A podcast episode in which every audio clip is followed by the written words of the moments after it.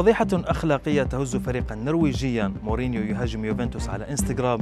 نجوم يونايتد يستمتعون في طائرة خاصة. إليكم أبرز أخبار الرياضة في الساعات الأربع والعشرين الماضية في دقيقتين على العربية بودكاست. فضيحة أخلاقية عاصفت بفريق بران أحد أعرق الأندية النرويجية بعد احتفال صاخب للاعبيه انتهى بالضرب والاغتصاب.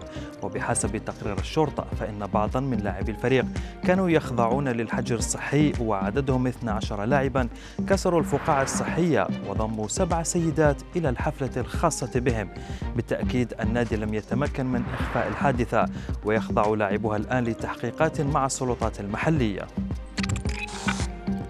نجم أتلتيكو مدريد أنطوان غريزمان استخدم موقع تويتر للتنفيس عن غضبه بعد خسارة فريقه أمام ليفربول وغرد غريزمان قائلا بأن اللون الأصفر غير موجود في أنفيلد في إشارة للطرد المباشر لزميله فيليبي قبل أن يضيف في تغريدة أخرى إلى الظلم الذي يعانيه أتلتيكو مدريد دائما في المسابقات الأوروبية.